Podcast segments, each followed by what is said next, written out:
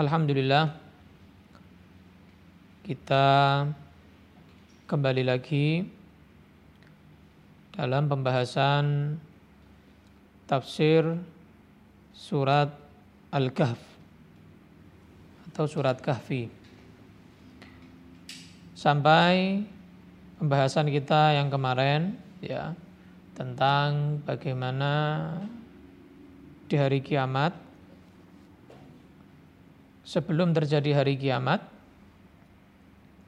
Allah Subhanahu wa taala mengangkat seluruh gunung-gunung dari akar-akarnya seluruhnya akan diangkat dan juga bagaikan kapas yang bertaburan, yang berterbangan,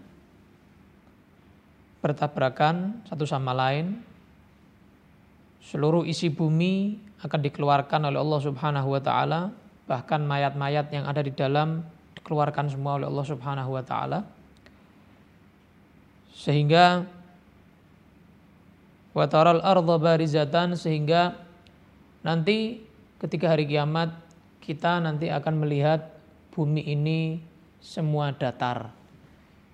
Jadi sudah nggak ada lagi dataran tinggi, dataran rendah, atau pegunungan, bukit gitu misalnya, pepohonan. Sudah nggak ada lagi, ya tebing nggak ada sudah, rata semuanya, diratakan oleh Allah Subhanahu Wa Taala.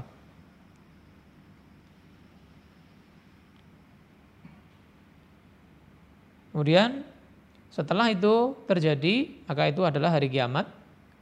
Maka setelah itu Allah berfirman, "Wa sudah kita bahas kemarin ya.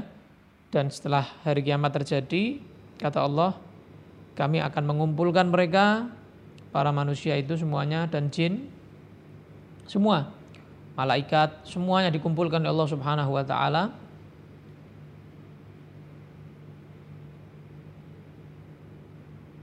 Falam nughadir minhum ahada. Tidak satu pun dari makhluk Allah Subhanahu wa taala yang luput. Jadi manusia siapa pun jin siapa pun mulai Nabi Adam sampai manusia tercipta yang terakhir. Manusia yang lahir yang terakhir manusia yang mati yang terakhir saat hari kiamat itu semuanya dikumpulkan oleh Allah Subhanahu wa taala jadi satu. Nggak ada yang luput sama sekali. Sembunyi menghilang. Mungkin kita kalau lihat 100 orang atau 1000 orang 2000 orang mungkin kita nggak tahu ada yang ke kamar mandi atau ada yang ke mana kabur misalnya kita nggak tahu. Tapi Allah Subhanahu Wa Taala satu pun tidak luput. Semua satu persatu. Wa ala rabbika saffa. Dan mereka semuanya di apa eh, dihadapkan kepada Allah Subhanahu wa taala soffan Sofan dua makna. Makna yang pertama dalam keadaan berdiri. Nanti kita nanti ketika dihisap menghadap Allah dalam keadaan berdiri. Seperti yang kemarin sudah dijelaskan, berdiri dalam keadaan kembali lagi seperti dilahirkan ibunya. Jadi tidak pakai sandal, nggak pakai sepatu gitu ya. Ngodok. Kemudian dalam keadaan belum disunat, dalam keadaan telanjang. Dalam keadaan sangat lapar dalam keadaan sangat haus. Maka barang siapa yang di dunia dia suka rajin memberi makan kepada orang lain, maka akan diberi makan oleh Allah nanti saat itu, saat kelaparan. Dan yang kedua, barang siapa yang rajin memberi minuman kepada orang yang haus, maka Allah nanti di hari itu saat dia saat-saat sangat haus akan diberikan Allah minuman. Yang ketiga, saat dia telanjang nanti di hari kiamat itu saat menghadap Allah maka ketika dia di dunia rajin memberikan pakaian kepada orang yang membutuhkan maka nanti di hari kiamat dia akan diberi pakaian oleh Allah Subhanahu wa taala tidak dalam keadaan telanjang. Tergantung kita bagaimana di dunia, maka begitu Allah akan membalas kita nanti di hari kiamat. Tidak satu pun luput. Nah, makna yang kedua sofan adalah bersof-sof. Jadi bersof-sof malaikat bersof-sof, manusia bersof-sof, kemudian jin bersoft-soft, semuanya bersoft-soft. Satu persatu. Menghadap Allah, fardan, satu persatu. Menghadap Allah subhanahu wa ta'ala. Bukan terus Allah menghisap bareng-bareng, berjamaah. Ayo orang Semarang semua maju. Enggak. Satu-satu. Satu-satu. Muhammad Al-Mutahar maju. Siapa? Naufal Fadil maju, Fatih maju, Iqbal maju, Najib maju misalnya. Maju semuanya. Satu persatu. Dan nggak lama. Sebentar. Karena kuasa Allah subhanahu wa ta'ala. Dan kita akan ketakutan. Bayangin kita ketemu Allah. Kita ditanya sama Allah. Kita dipertanggungjawabkan sama Allah. Tidak satupun hal yang kecil ataupun yang besar kecuali akan dipertanggungjawabkan di hadapan Allah Subhanahu wa taala. Saghiratan wala kabiratan illa ahsaha.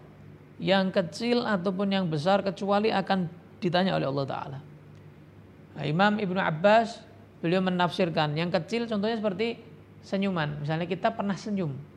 Seumur hidup kita kita pernah senyum berapa kali? Misalnya 5000 kali per senyuman kita ditanya sama Allah. Kenapa ente jam sekian hari ini, menit ini, detik ini ente senyum? Kenapa ente senyum? Tanya sama Allah. Jadi seumur hidup kita, kita misalnya senyum 5 ribu kali, ya senyuman itu 5 ribu pertanyaan itu baru senyuman itu. Belum nanti yang tertawa yang terbahak-bahak, kakak kakak kakak kakak itu nanti ditanya sama Allah. Belum langkah kita, belum lirikan kita, belum mulut kita, belum hidung kita, belum telinga kita, belum perut kita, belum kemaluan kita, tangan kita, jari kita, jempol, HP, semua akan dipertanyakan satu persatu oleh Allah Subhanahu wa taala, kecil ataupun besar, semua akan dipertanyakan sama Allah Subhanahu wa taala. Dari sulitnya di saat itu sampai uh, hewan pun juga dibalas sama Allah. Jangan dikira hewan tidak dibalas. Contoh, misal macan pernah menyiksa anaknya misalnya. Nanti di hari, hari kiamat anaknya balas orang tuanya, dibalas sama Allah. Jadi hewan ke hewan itu pun juga akan diberi pertanggungjawaban, bukan pertanggungjawaban surga nerakanya, bukan. Balas-balasannya dulu. Balasannya dulu. Begitu juga manusia ke hewan. Kita pernah misalnya nyiksa satu semut. Ya, semut itu nanti yang balas kita di hari kiamat. Kita nggak mungkin masuk surga, kita nggak mungkin uh, masuk neraka sebelum semut itu balas kita dulu. Dibalas. Kita pernah nyiksa kambing, misalnya kita pernah nyiksa belalang, kita pernah nyiksa capung, kita pernah nyiksa uh, kecoa, pernah nyiksa tikus, misalnya apa pun. Kita punya misalnya uh, punya punya kezaliman terhadap hewan. Kalau manusia jelas dipertanggungjawabkan hewan, dipertanggungjawabkan di hadapan Allah dan kita akan dibalas nanti di hadapan Allah Subhanahu wa taala. Hewan kalau sudah balas-balasan, misalnya kambing sama kambing pernah tengkar, dibalas sama Allah nanti di hari kiamat. Kambing yang kalah balas yang menang misalnya. Nah, setelah itu mereka diperintahkan Allah jadi debu. Tidak ada yang masuk surga, nggak ada yang masuk neraka. Nah orang-orang yang ketakutan di hadapan Allah, lihat hewan tuh, oh enak ya, jadi debu. Saya menyatakan, ya laitani kuntu turaba. coba saya tuh jadi debu. Nah, manusia yang diciptakan dari debu dari dari tanah nggak kembali jadi tanah. Antara surga atau neraka, nggak akan mati, nggak akan nggak akan mati dan selalu hidup abadi di neraka abadi di surga abadi kehidupan yang abadi di akhirat sana. Alhamdulillah min dzalik.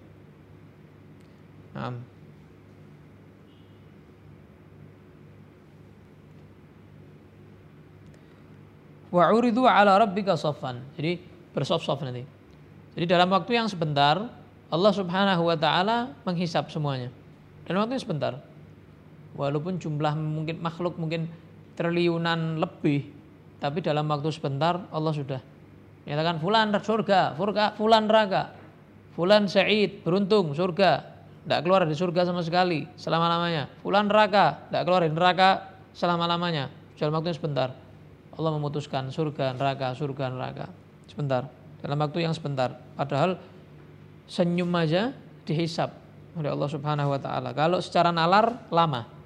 Bayangin per orang. per orang. Kalau kalau di dunia ini sidang aja kadang-kadang ada sidang lanjutan, sidang yang kedua ditunda dan lain sebagainya. Kalau Allah tidak ada sidang ditunda. Satu kali berdiri itu habis bersih sudah. Habis bersih.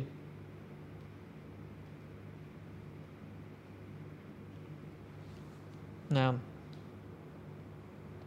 Bal za'amtum hal lan naj'ala lakum? Kalian kira aku Allah nggak akan melaksanakan itu maksudnya? Janjiku itu bahwa aku akan mengumpulkan kalian semuanya jadi satu. Akan aku tuntut hisap satu persatu. Ini Allah menentang orang-orang yang gak percaya, ingkar sama hari kiamat.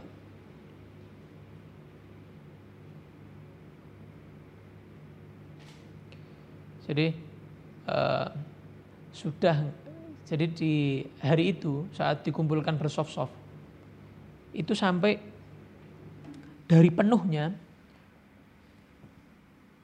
tanah kosong sejengkal aja nggak ada dari penuhnya orang antri sebelum corona ya orang antri di stasiun mau pulang mau mudik ya itu kan luar biasa.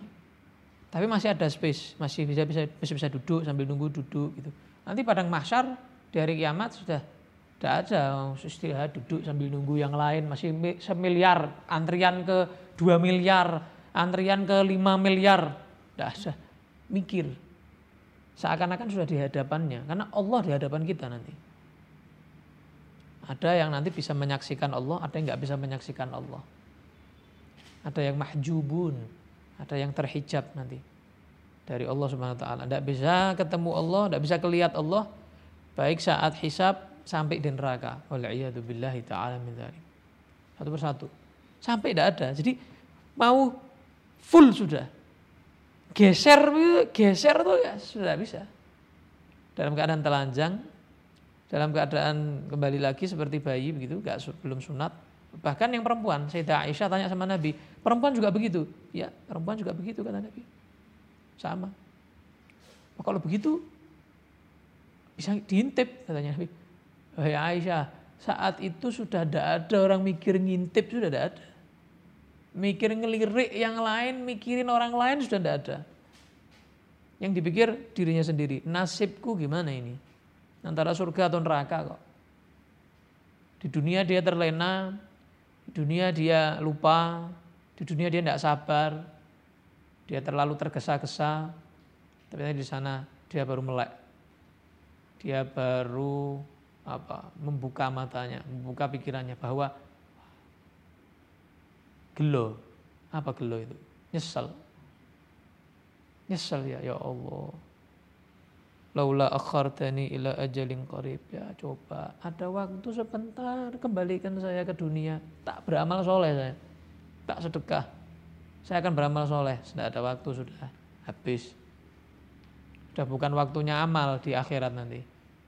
Jadi, kok dunia darul amal. Dunia tempat beramal. Tapi kalau sudah keluar dari dunia darul jaza tempat pembalasan sudah Ente tidak ada waktunya untuk beramal sudah. Waktunya untuk pembalasan. Dulu ente di dunia ente berbuat apa? Dibalas sama Allah. Sudah tidak ada lagi waktu beramal sudah. Tidak ada lagi. Walaupun para nabi kadang di dalam kubur itu mereka beribadah. Para wali di dalam kubur mereka beribadah. Sebagaimana Nabi Muhammad ketika Isra, ketika sampai di makam pemakaman Nabi Musa alaihissalam mendapati Nabi Musa dalam keadaan sholat. Nabi Musa dalam keadaan sholat, padahal beliau sudah meninggal dalam keadaan sholat. Karena mereka uh, orang-orang yang meninggal dalam keadaan mati syahid, orang-orang yang dekat di sisi Allah Subhanahu Wa Taala, mereka bal ahya, mereka tuh hidup. Sebetulnya mereka tuh nggak mati, hanya pindah alam. Seperti Nabi Muhammad SAW, hayyun, Nabi itu hidup, hanya pindah alam Nabi Muhammad itu. Siapa yang menyatakan Nabi Muhammad mati? Nabi tidak mati. Nabi enggak enggak meninggalkan kita gitu ya. Nabi hanya pindah alam dari alam dunia menuju alam bar barzakh gitu. Makanya Nabi selalu dilapori. Ya kan? Nabi sendiri dalam hadis yang sahih menyatakan, saya setiap saatnya dilapori. Dilapori umatku kalau berbuat baik, hamidullah. Saya bersyukur sama Allah. Saya ucapkan alhamdulillah. Iqbal berbuat baik saat ini. Fatih misalnya berbuat baik saat ini. Siapa berbuat baik saat ini. Tapi ketika aku mendapati laporan umatku ada yang berbuat buruk, saya beristighfar kepada Allah, tak minta kenampun. Sampai beliau pindah alam pun nggak lupa sama kita. Masih azizun alaihi ma'anittum harisun alaikum bil mu'minina raufur rahim. Selalu mikirkan kita, walaupun sudah pindah alam. Harusnya sudah waktunya beliau senang-senang sudah. Tapi beliau tetap mikirin kita, tetap merhatiin kita. Tetap mengistighfari untuk dosa-dosa kita. Sallallahu alaihi wa ala alihi wasallam. Luar biasa. Jadi sudah tidak ada, mikir ngintip sudah tidak ada.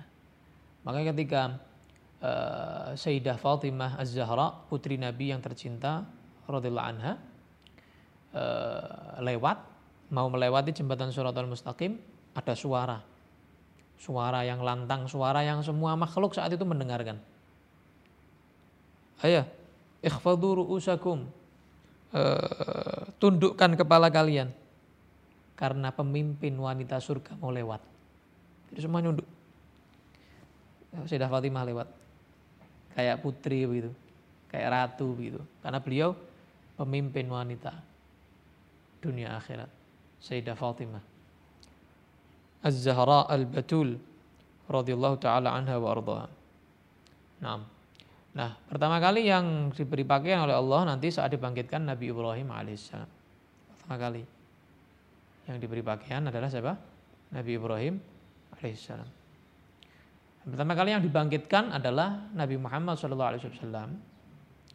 Tapi Nabi Muhammad beliau bersabda, saat aku dibangkitkan oleh Allah, aku melihat Musa bergelantungan ada di arsh. Berarti Nabi Musa sudah apa? Sudah bergelantungan ada di arsh. Berarti beliau sudah bang, bangkit. Nah ulama membahas kenapa Nabi Musa kok bisa duluan gitu ya. Bergelantungan di arsh, tidak merasakan eh, kaget yang kedua kalinya. Karena Nabi Musa dulu ketika di Gunung Tursina minta kepada Allah melihat sepercik cahaya Allah, Nabi Musa pingsan. Nah itu sudah penebus untuk beliau nanti di padang mahsyar itu di hari kiamat itu. Beliau sudah merasakan lagi. Makanya beliau bergelantungan ada di arsh Allah Subhanahu wa taala karena sudah dijamak takdim ibaratnya begitu. Ditakdim sama Allah, di takjil, didahulukan saat beliau di Gunung Tursina. Saat itu beliau kaget, tidak kuat, pingsan. Karena tidak kuat melihat seperti cahaya Allah Subhanahu wa taala. Makanya Nabi Muhammad ketika dibangkitkan beliau melihat Nabi Musa sudah bergelantungan ada di arsh Allah subhanahu wa ta'ala. Nah,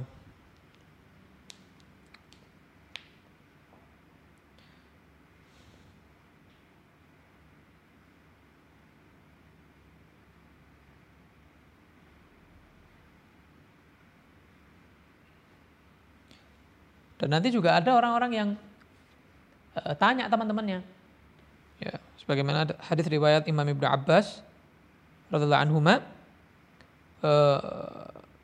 dia nanti akan apa namanya nyari temannya. Ya Allah saya punya teman ya Allah. Saya punya teman misalnya. Atau Nabi Muhammad juga tanya ya Allah umatku mana ya Allah? Kok cuma segini? Katanya kemudian dijawab sama Allah innaka la tadri ma ahdatsu ba'dak kamu gak tahu apa yang telah mereka perbuat setelah kamu meninggal. Setelah kamu pindah alam. Gitu. Ibaratnya ya jangan terus jamin, oh saya ini umat Nabi Muhammad, pasti saya masuk surga. Ya, belum tentu juga. Belum tentu juga. Walaupun kita misalnya mendapat syafaat Nabi, ya kalau syafaatnya itu tanpa ngincipi neraka dulu.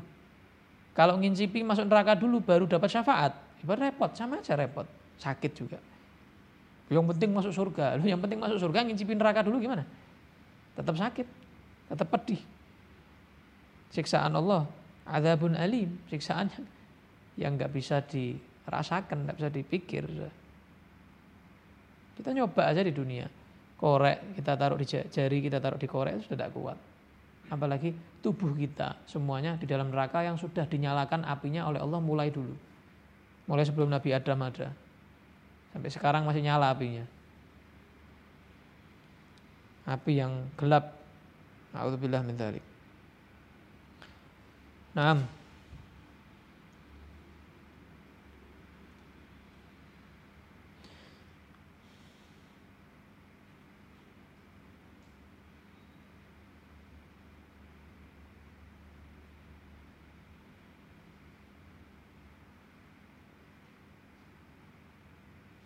Kemudian setelah mereka dikumpulkan Allah Subhanahu wa taala bersoft-soft tadi itu dalam keadaan berdiri, telanjang, ya, belum sunat.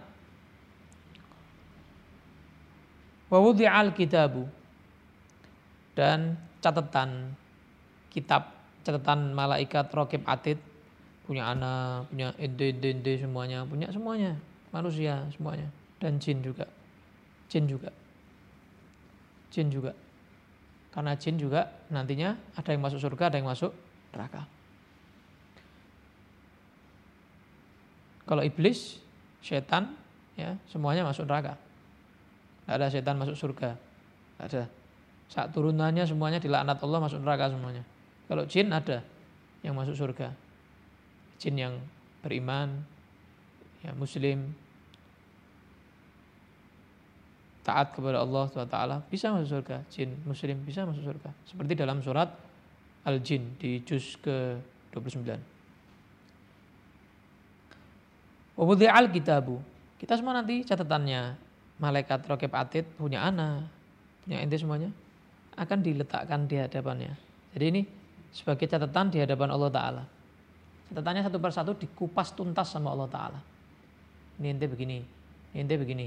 Ini begini dengan saksi-saksi yang kemarin sudah Anda jelaskan ada laporan ke Allah harian ada laporan ke Allah mingguan ada laporan ke Allah tahunan ya kan? Ada laporan banyak malaikat yang ngelapor ke Allah SWT banyak yang melapor. Belum tubuh kita menjadi saksi banyak tubuh kita sendiri menjadi saksi belum catatan malaikat rokib atid. Sudah banyak kita nggak bisa ngelak sudah.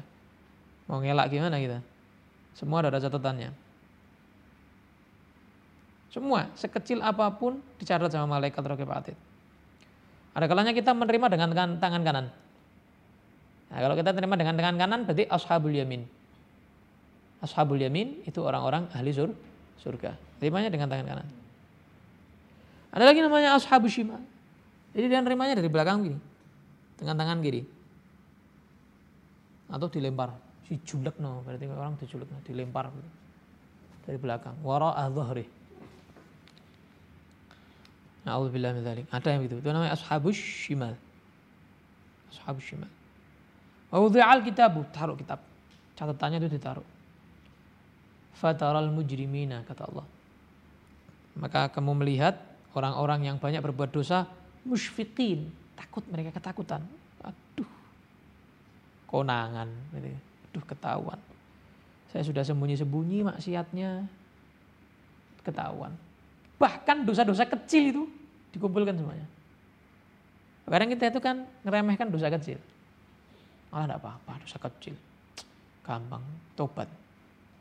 Dosa besar kan repot, ya dosa kecil apa-apa.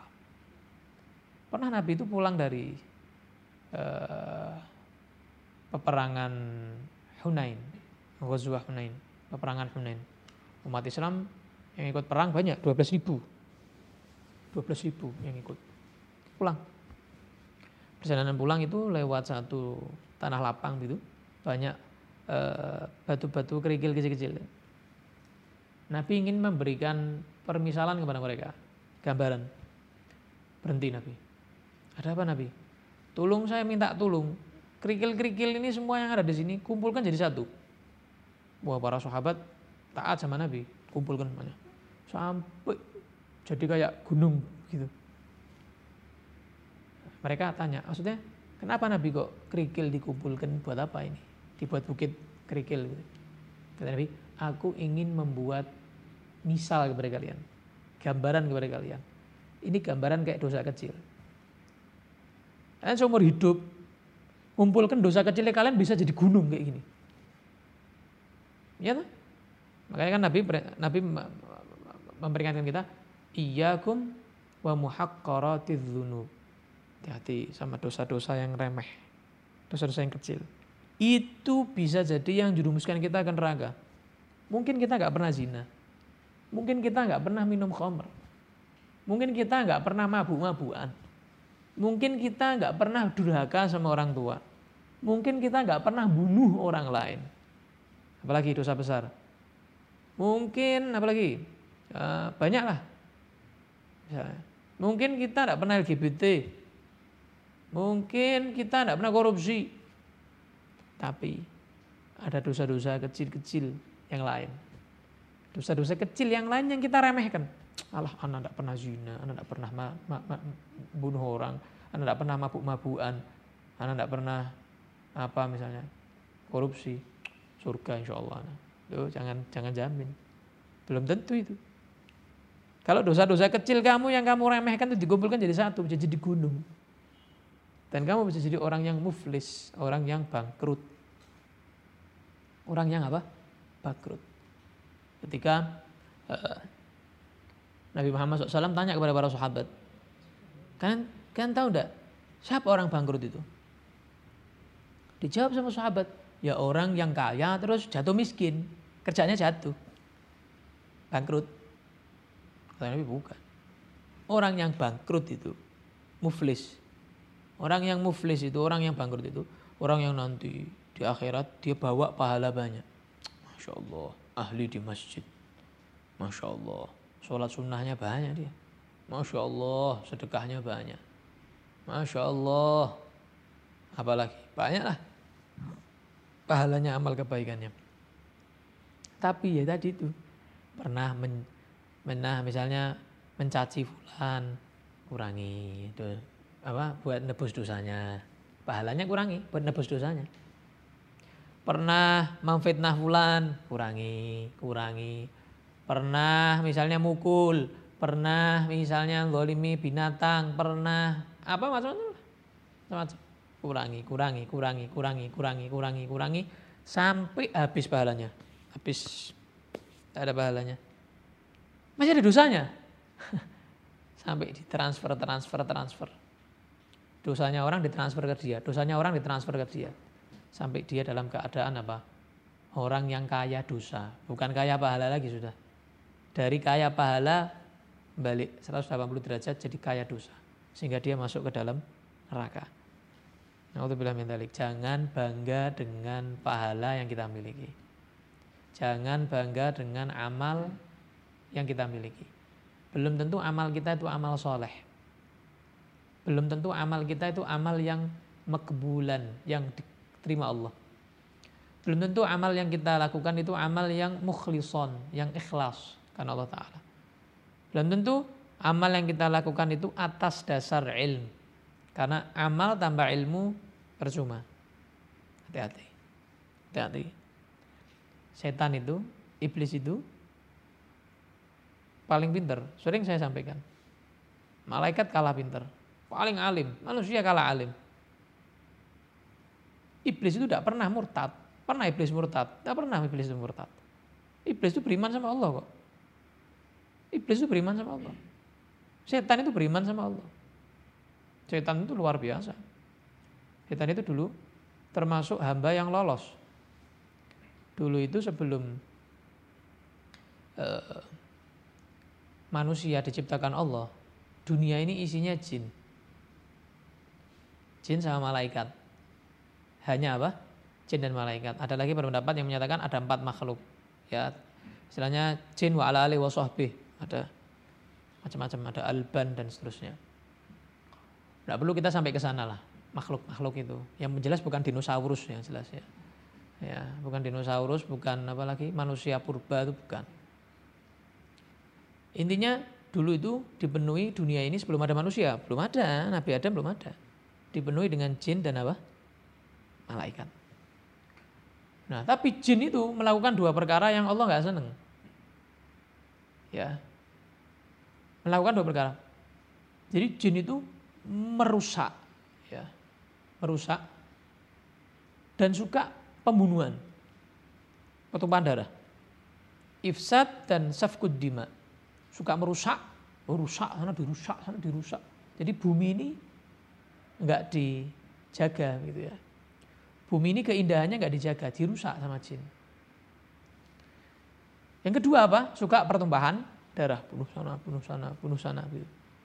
Akhirnya Allah azab, Allah turunkan azab. Yang selamat siapa? Golongan jin yang setan. Karena setan ini dari bangsa jin. Ciptakannya sama-sama dari apa? Api. Malaikat juga selamat. Karena malaikat itu uh, bukan hamba yang ibaratnya bisa maksiat. Malaikat itu manut. Allah bilang apa manut. Suruh rukuk ya mulai diperintah Allah rukuk sampai selama-lamanya rukuk terus. Gak pernah capek, kesel, pegelinu, encok, gak pernah. Ya sudah rukuk terus malaikat itu. Gak pernah. Memang mereka gak makan, mereka gak minum, mereka gak nikah. Mereka bukan laki-laki, bukan perempuan, bukan banji. Mereka makhluk. Makhluk Allah, malaikat. Bentuknya malaikat. Cahaya.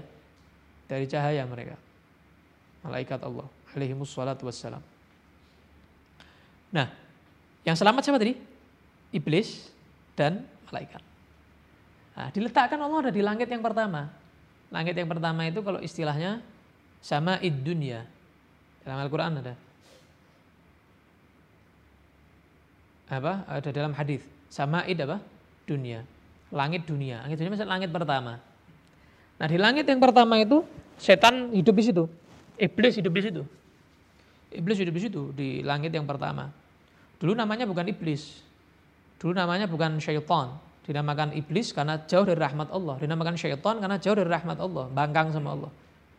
Jadi iblis setan itu julukan buruk. Ibaratnya kita ngasih julukan orang dengan julukan yang buruk. Orang yang jauh dari rahmat Allah, orang yang jauh dari kasih sayang Allah. Nah itu iblis, syaitan gitu ya. Namanya bukan iblis, bukan syaitan. Namanya Azazil. Jadi dulu namanya siapa? Azazil. Ibadah kepada Allah 80 ribu tahun. Sebelum Nabi Adam diciptakan 7 ribu tahun sebelum Nabi Adam diciptakan itu sudah ahli ibadah. Padahal Nabi Adam belum ada. 7 ribu tahun sebelum Nabi Adam ada. Itu sudah ahli ibadah setan, iblis. 80 ribu tahun ibadah. Tidaklah langit pertama ini satu tempat, satu ruangan, satu space di langit pertama kecuali sudah pernah iblis itu Azazil itu sujud di situ. Ibarat ini misalnya tempat ini setiap keramik itu sudah pernah disujudi sama ente. Semua langit pertama yang luas luar biasa pernah disujudi sama Azazil, sama iblis itu. Tapi malaikat gak tahu kalau iblis itu merasa dirinya lebih baik. Masih tersimpan dalam apa? hatinya. Allah tampakkan saat Allah perintahkan. Malaikat dan iblis sujud kepada Nabi Adam. Allah tampakkan bahwa iblis ini ibadahnya bukan semata-mata karena dia itu merendahkan diri di hadapan Allah, tapi karena dia itu sombong. Dia dia sombong, dia merasa bangga diri. Nah, makanya kan ketika kita sebelum jauh-jauh sebelum ayat ini, itu kan uh, mulai di Tongji waktu itu, itu kan anda sudah menyampaikan bahwa ayat-ayat ini itu Allah membantah terhadap sekelompok orang yang ternama kepala-kepala suku begitu datang ke Nabi minta majelis khusus majelis orang kaya. Jangan dicampur sama orang-orang miskin sama orang-orang tidak berpendidikan. Mereka nggak mau jijik. Mereka kayak kemproh gitu ya. Kayak turun anunya apanya uh, image-nya begitu ya. Hah? derajatnya. Jadi kayak mereka tuh tidak mau gitu loh. Kayak jijik kalau melihat orang miskin jijik melihat orang fakir. Mereka minta sama Nabi wahai Muhammad kami nggak apa-apa. Kami masuk Islam tapi buatkan majelis khusus buatkan waktu khusus buat kita khusus khusus, khusus apa ya pemuka-pemuka ini khusus orang-orang kaya kami nggak mau dikumpulkan sama itu Allah marah Allah turunkan. Wasbir nafsaka ma'al ladzina yad'una rabbahum bil ghadati wal yuriduna wajha. Mulai pembahasan tentang Nabi diperintahkan untuk kumpul sama orang fakir miskin. Bahkan Nabi sendiri ingin jadi orang fakir miskin. Bahkan beliau pemimpin para para fakir miskin di akhirat nanti di surga nanti. Beliau hidup fakir miskin ya. Dan beliau pun dikasih dipilihkan Allah teman-teman orang-orang fakir miskin adalah sebaik-baiknya temannya Nabi Muhammad SAW. Sampai ke ayat ini belum habis. Allah ingin diri kita ini gak ada rasa bangga diri sama sekali. Hilangkan itu bangga diri. Buat apa ente bangga diri itu? Apa yang membuat ente itu berbangga? Ente barat ente punya tubuh ringkih. Itu ringkih, ringkih itu gampang sakit. Dikit-dikit sakit. Dikit-dikit capek, lelah, sumpek, stres. Ya. Apalagi? Butuh sama orang. Allah nggak butuh sama siapa pun. Allah nggak pernah lelah. Allah nggak pernah ngantuk. Allah nggak pernah sumpek. La ta'khudhuhu sinatu wala naum. Ngantuk nggak pernah, apalagi tidur Allah. Lahu ma fis samawati wa ma fil Langit semuanya, bumi sem, bumi, selapisan-lapisannya, isi-isinya semuanya milik Allah. Yang nyiptain Allah. Kita mau bangga apa kita ini? Oh, bumi dibandingkan Jupiter besar Jupiter kan gitu ya Apalagi matahari itu dibandingkan berapa planet masih besar matahari ya gitu. Dan kita berapa? Kita seberapa? Kita dua meter nggak sampai. Dibandingkan itu semuanya. Dan bangga. Kita ini mungkin kalau dibandingkan matahari lebih kecil dari debu mungkin ya. Ya Lebih kecil dari debu mungkin kita ini. Dibandingkan sama matahari. Dan matahari itu ada yang lebih gede dari matahari ada satu jenis bintang itu lebih gede dari matahari. Dan itu masih di dalam galaksi. Bayangkan galaksinya seberapa besarnya. Masih ada galaksi-galaksi yang lain yang belum diteliti. Yang mungkin lebih besar dari galaksi Bima Sakti. Esto. Rasa mbok pikir tekan kono. Wis kue mikiro beramal wis. Mikir beramal sudah. Mikir gimana kita menjauhi dosa. Hati-hati. Ketika Allah perintahkan kita berbuat uh, menjalankan perintahnya mastata'tum semampu kalian. Tapi ketika Allah melarang kita itu Allah menyatakan fantahu jauhi. Beda ya. Kalau perintah semampunya, kalau larangan bukan semampunya, harus bisa gitu ya. Harus bisa jauhi larangan Allah. Bukan oh mampunya anak begini kok karena mampunya begini menjauhi larangan Allah, tidak bisa. Ente kalau perintah, ente bilang begitu, bisa. Makanya orang sakit ada keringanan, musafir ada keringanan, ya kan? Lansia ada keringanan, gitu misalnya. Contoh gitu. Orang hamil ada keringanan, orang menyusui ada keringanan, perempuan datang bulan ada keringanan, kan begitu. Ada keringanan-keringanan ada. Keringanan-keringanan ada. Orang yang sakit, apalagi macam-macam, ada banyak keringanan. Tapi kalau untuk larangan, ada pernah dengar keringanan kelarangan? Dah aja. Larangan itu harus mampu, harus bisa menjauhi. Titik, tidak ada koma sudah. Titik. Jadi kalau urusan perintah semampunya. Tapi kalau urusan larangan, tidak ada kata-kata semampunya. Harus mampu. Harus bisa menjauhi larangan Allah Ta'ala. Mau nggak mau ente? Tidak bisa. Hanya hati-hati. Hati-hati. Nah musyfikin. Jadi orang-orang yang banyak dosa akan ketakutan kata Allah, musyfikin. Mimma fi daripada isi kitabnya itu. Ya Allah, isi aku malu. Di hadapan orang semuanya loh, triliunan itu loh. Sak jen-jennya semua tahu ente ngapain aja. Komplit. Ente berbuat apa aja mereka tahu. Apa yang ente ucapkan, apa yang ente lirik, ya, apa yang ente denger, apa yang ente berbuat dengan tangan, dengan kaki, dengan kemaluan untuk masuk ke dalam perut ente. Semua ketahuan. Tahu semuanya. Dibeberkan sama Allah fadhihah naudzubillah min dzalik wa yaqulun dan mereka berkata orang-orang yang ketakutan itu yang derdek itu gemeter ya derdek yang luar biasa itu deg-degan yang luar biasa bukan deg-degan kelas dunia ini deg-degan kelas menghadap Tuhan penciptanya ente ya wailatana tuh celaka wis ciloko, kata begitu. Celaka kita sudah. Ya wailatana, mali hadzal kitab la yughadiru saghiratan wala kabiratan illa ahsaha.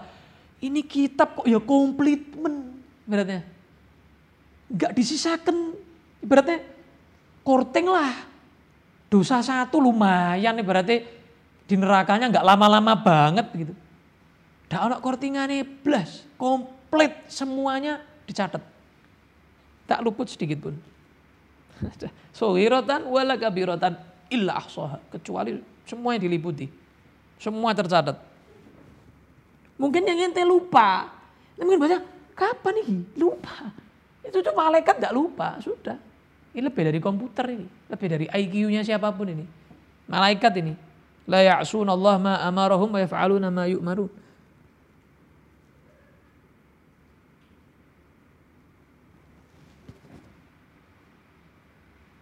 kok zina, senyuman loh, senyuman, lirikan itu dihisap sama Allah Taala. Nah.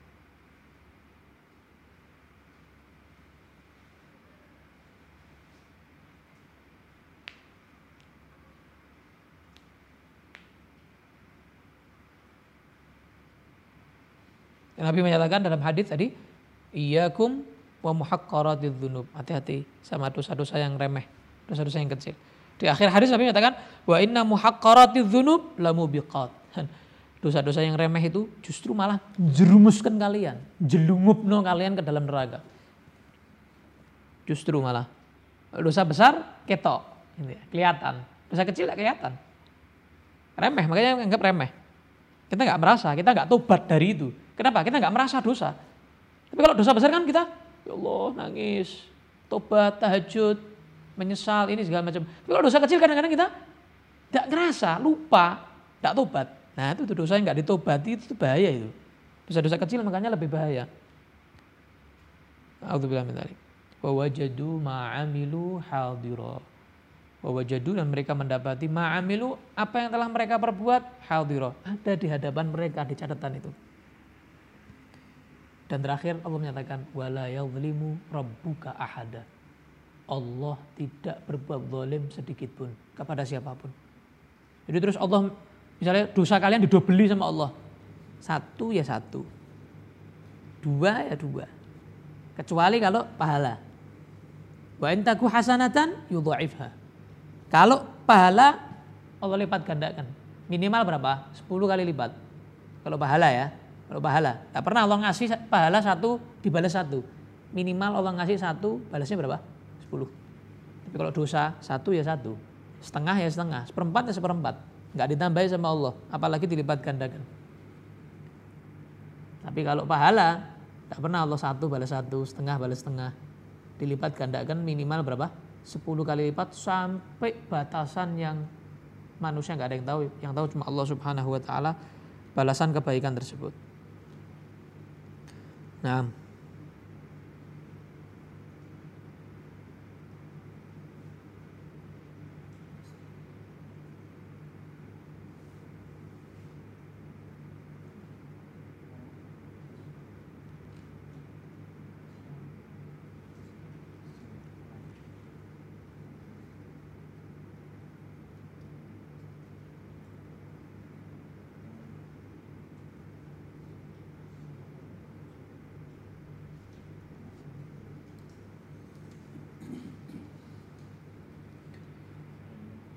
Dalam hadis Nabi Shallallahu Alaihi Wasallam beliau bersabda, "Lai yazula gadamul abdi yomal qiyamah hatta yus'al an arba." Tidaklah uh, melangkah atau tidaklah luput gitu ya. Satu pun daripada hamba Allah Ta'ala di hari kiamat sehingga ditanya dari empat, empat ini. Pasti semua kita ini ditanya tentang empat ini. Pertama, anjasadihi fi ma'ablah. Seumur hidup kamu ngapain aja? Buat buat apa? Allah ngasih kamu mata telinga kuping ya telinga misalnya apalagi mulut dan seterusnya. Wa an umrihi fi ma'afna umurnya. Buat apa umur? Allah kasih kamu umur apa? Jasadnya buat apa? Umur buat apa? Yang kedua. Wa an malihi min ainak tasabah harta. Ini dari mana yang kerja ini? Dari mana itu dapat uang itu? Yang keempat, wa fima anfaqahu. Uh, yang ketiga Mas Ian, hartanya dari mana dan keluar ke mana? Buat apa? Yang keempat, wa an ilmihi kaifa amila. Ilmunya. Ente amalkan seberapa ilmu yang ente punya. Mudah-mudahan Allah menyelamatkan kita nanti di sana. Berat, berat. Berat ya. Berat. Allah subhanahu wa ta'ala alam bisawab. Ada pertanyaan? Apa pertanyaannya?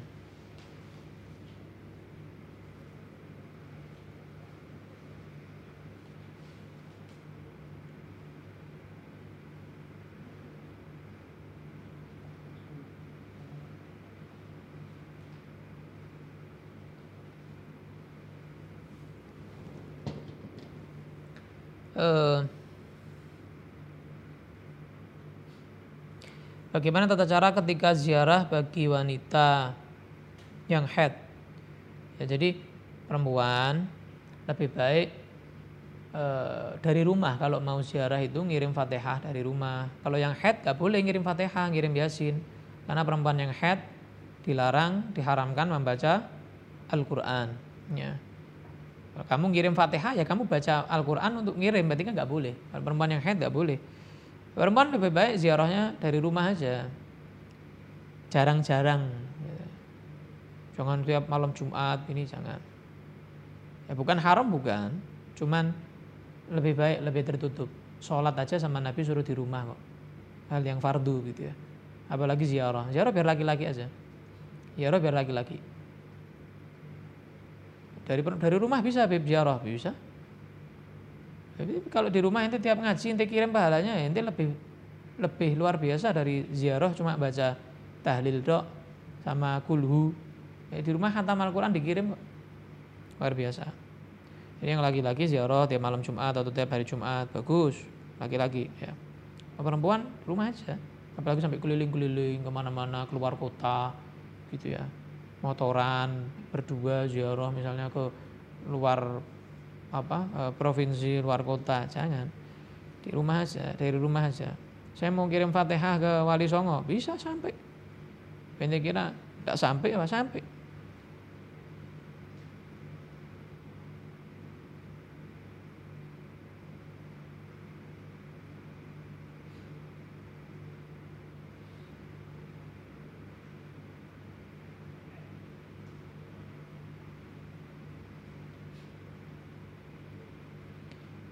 Oh, ini ada pertanyaan.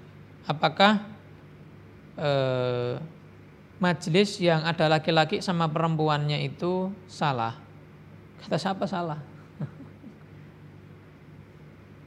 Ente lihat Habib Umar bin Hafid ketika ke Indonesia, beliau di mana pun di Jakarta, di Semarang, di mana pun, itu ada perempuannya enggak nanya? Ada enggak? Ada. Habib Umar ada. Ada. Alamnya guru, Habib Taufik Assegaf. Beliau punya pengajian ahad pagi. Setiap ahad pagi ada pengajian di Pasuruan di pondok saya, pondok saya dulu pondok Sunniyah Salafiyah di Kraton. Jalan sebelum sampai ke Sidogiri, pondok Sidogiri. Itu ribuan yang datang. Ribuan. Mungkin sampai lima ribu orang mungkin. Allah alam jumlah tepatnya berapa? Ribuan pokoknya. Itu ya ada perempuan. Dan tamu-tamu dari luar negeri ngisi di situ. Tidak masalah. Jadi Rasulullah juga. Dulu para sahabat perempuan sahabi ya. Kalau tanya sama siapa? Sama Nabi.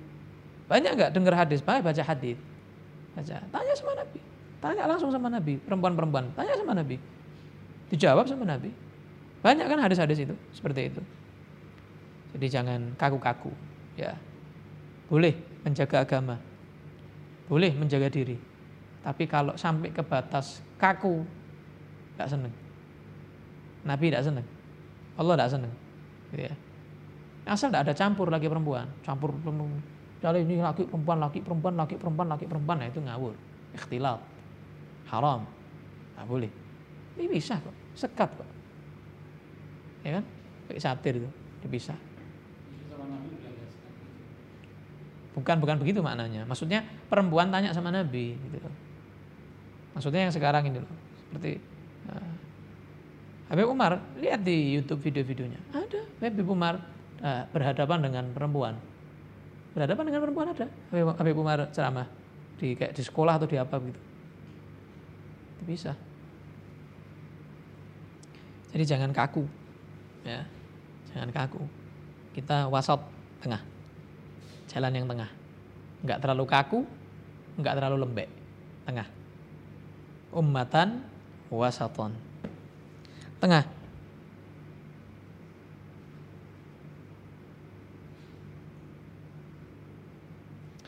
Hmm. Ya, bagaimana jika kita memilih sholat sendiri karena imam tidak memperhatikan syarat-syarat sholat? Ya, lebih baik sendiri aja karena kamu tahu imam kamu nggak sah sholatnya. Ya, kamu masa bermakmum sama orang yang nggak sah sholatnya, yang kamu yakin, kamu tahu, kamu lihat, nggak boleh. Sholat sendiri aja. Atau e, cari teman yang tahu syarat-syaratnya sholat, yang memenuhi syarat-syaratnya sholat, nggak apa-apa.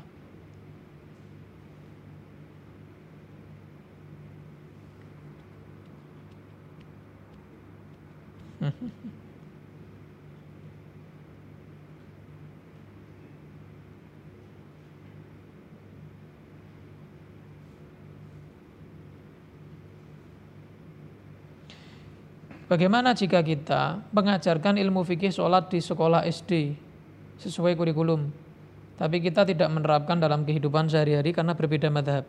Maksudnya apa ini? Begini, kalau kamu bukan ahlinya madhab selain syafi'i, jangan ngajarkan madhab lain. Dan jangan mengamalkan madhab lain, kamu bukan ahlinya kok. Kamu punya guru maliki, tidak punya kan? Guru hambali punya, nggak punya. Di Indonesia ini hampir bisa dinyatakan rata-rata. Rata-rata semua syafi'i. Muftinya syafi'i. Ustadz-ustadznya syafi'i. Habaibnya syafi'i. Syafi'i semuanya. Jarang banget yang di luar syafi'i. Jadi jangan apa ya jangan nyeleneh gitu loh pengen beda tapi tidak sesuai koridornya jangan kalau kalau nggak bisa kalau nggak bisa ya lebih baik ikut syafi'i yang sudah jelas. Ada ustadz-ustadznya, ada guru-gurunya gitu. Bolehkah mengajar kiroati dan tahfid sementara saya belum syahadah? Ya lebih, kalau cuma ngajar alif bata gitu tidak apa-apa. Ngajari orang supaya bisa ngaji. Tapi kalau nyemak tahfid, ya lebih baik anu orang yang sudah punya eh, sanat yang nyambung gitu ya. Nyambung ke gurunya, yang gurunya sanat dari gurunya lagi, gurunya lagi, terus begitu. Sanat tahfid.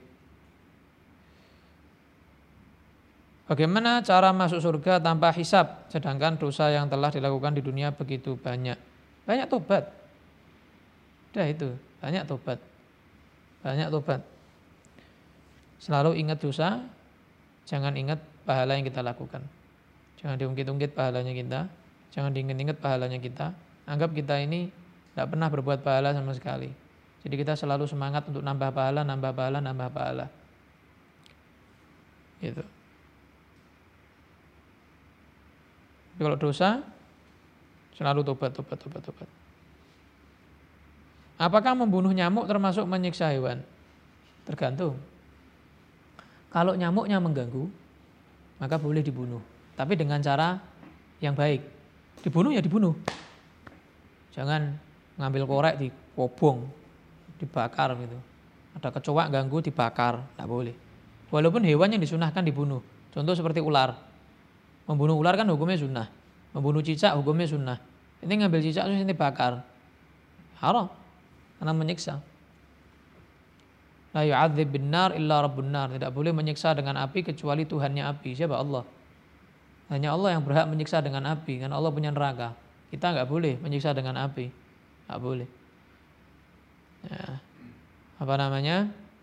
E, kalau sulit bagaimana? Misalnya nyamuknya banyak nih. Disemprot boleh nggak? Nggak apa-apa kalau sulit. Semprotan yang paling cespleng. Ya. Jangan yang jangan yang lambat ya atau pakai raket itu Ya, itu berbeda pendapat kalau pakai raket itu yang listrik itu. Lama beda pendapat. Karena listrik itu apakah dikategorikan api atau tidak. Gitu ya, disamakan dengan api atau tidak. Ada ulama beda pendapat kalau raket itu. Yang jelas jangan menyiksa. Kalau kalian membunuh kata Nabi, maka dengan cara ihsan, dengan cara yang baik, bunuh. Bunuh ya bunuh, selesai. Bunuh, jangan disiksa.